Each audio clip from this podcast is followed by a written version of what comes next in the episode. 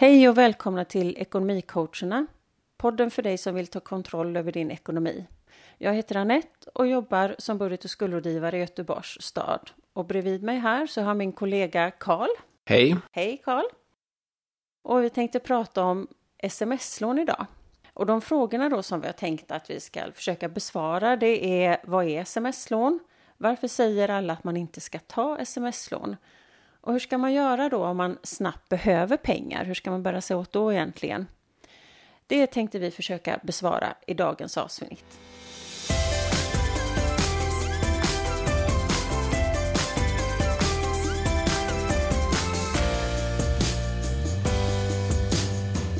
Att man inte ska ta så kallade sms-lån, det är någonting som är allmänt känt skulle jag vilja påstå.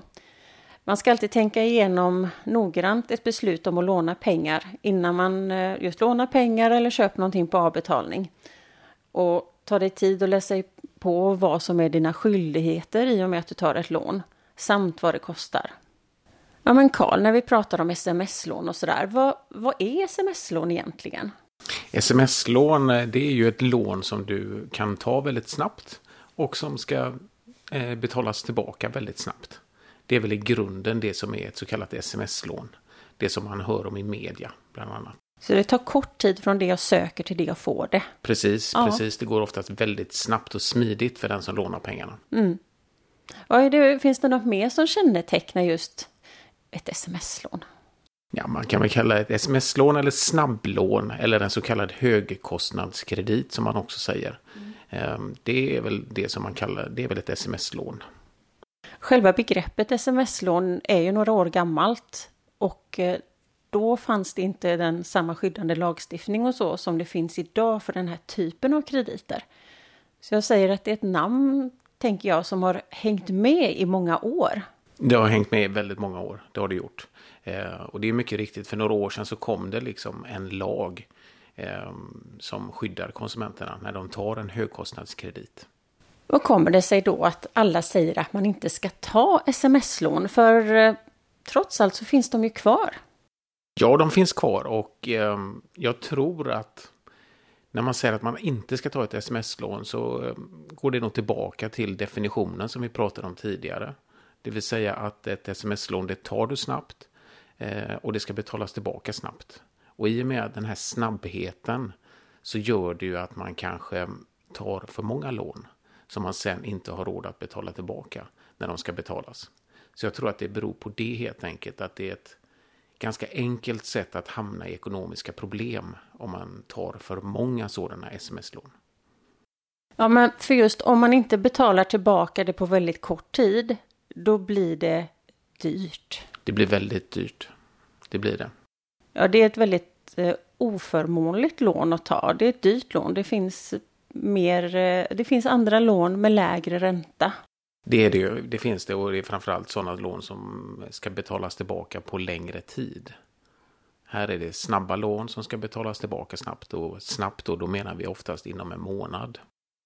Och betalar man tillbaka det under den månaden, då blir det inte så dyrt.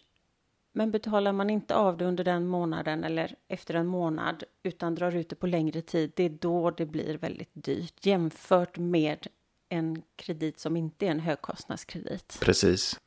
Ja, men i vår rådgivning så träffar vi ju människor som bland annat så har de lånat pengar och så. Ehm, men eh, vad, vad, tycker du, vad har du för erfarenheter från jobbet? Oj, vi har jättemycket erfarenheter från detta i jobbet.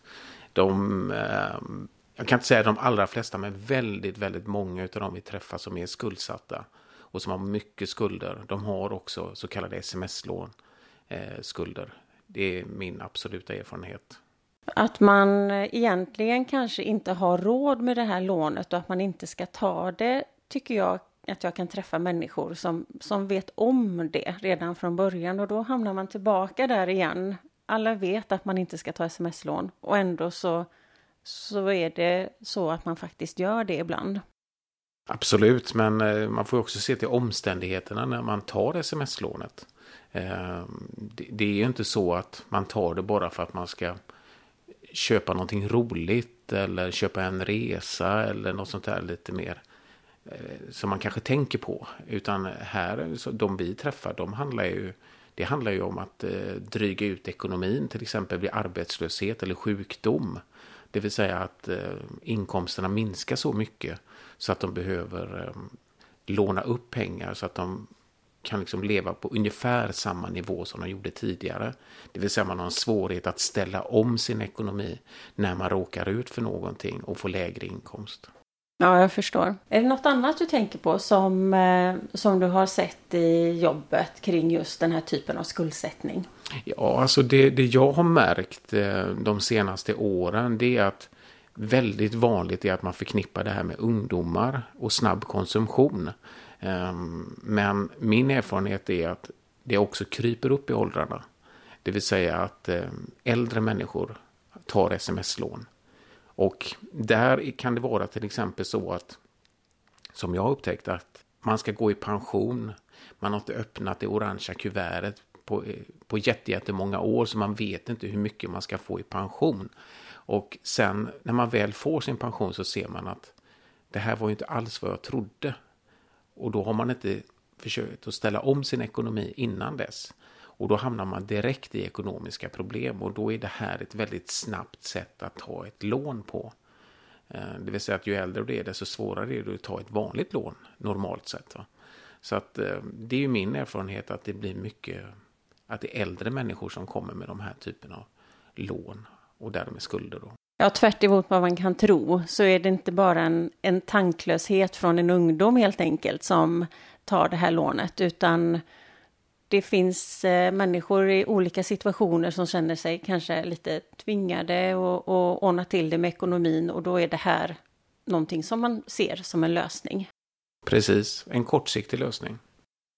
Ja, men om man är i en situation då att man ändå behöver pengar och både ung som gammal vet om att nej, man ska inte ta sms-lån.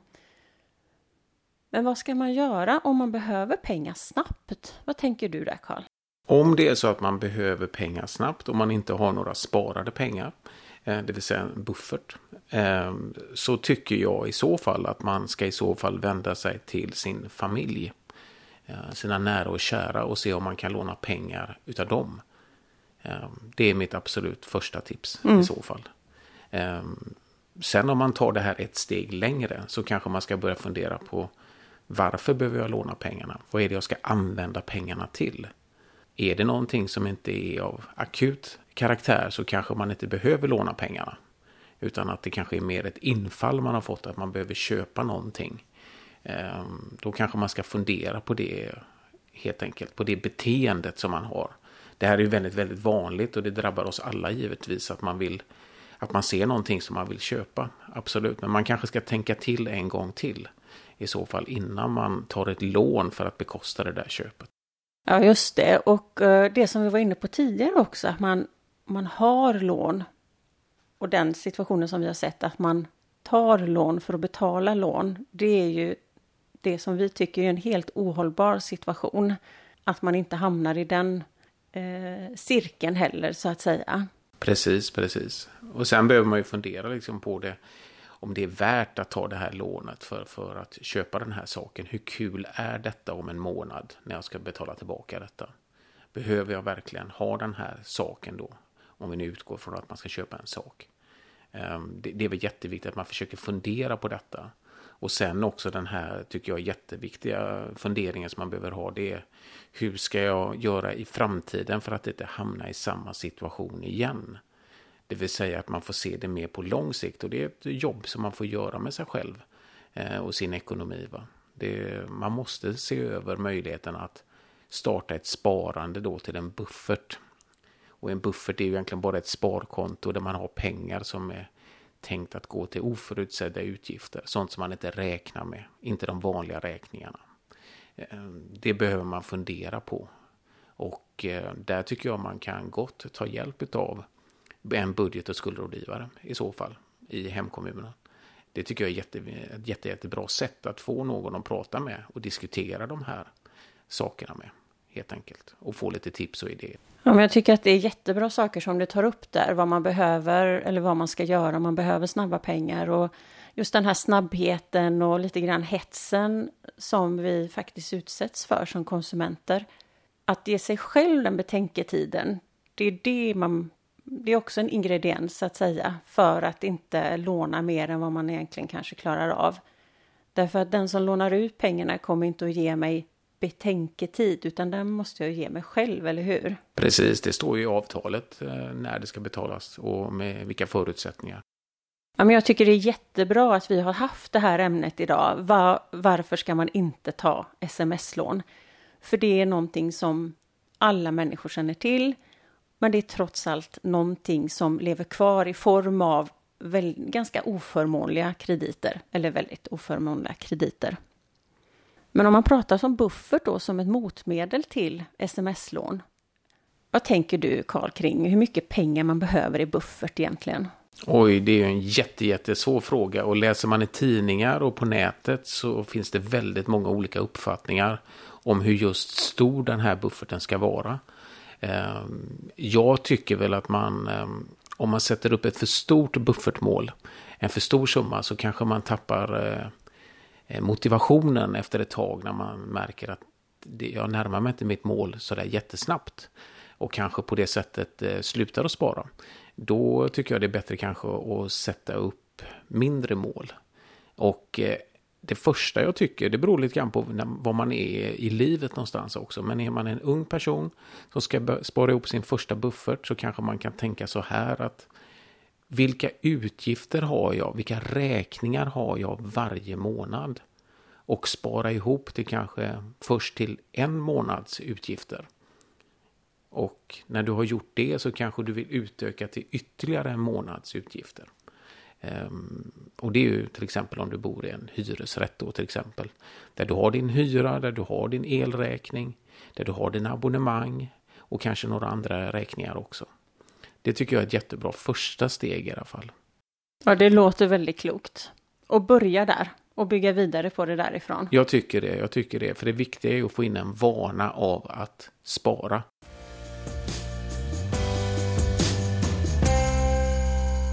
Ja, tack för att ni har lyssnat på vårt avsnitt idag.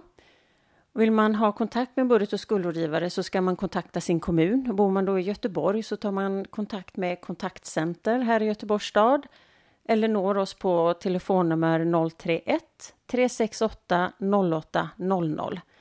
Och ni kan också följa oss på sociala medier naturligtvis. Ha det så bra. Hej då! Hej då!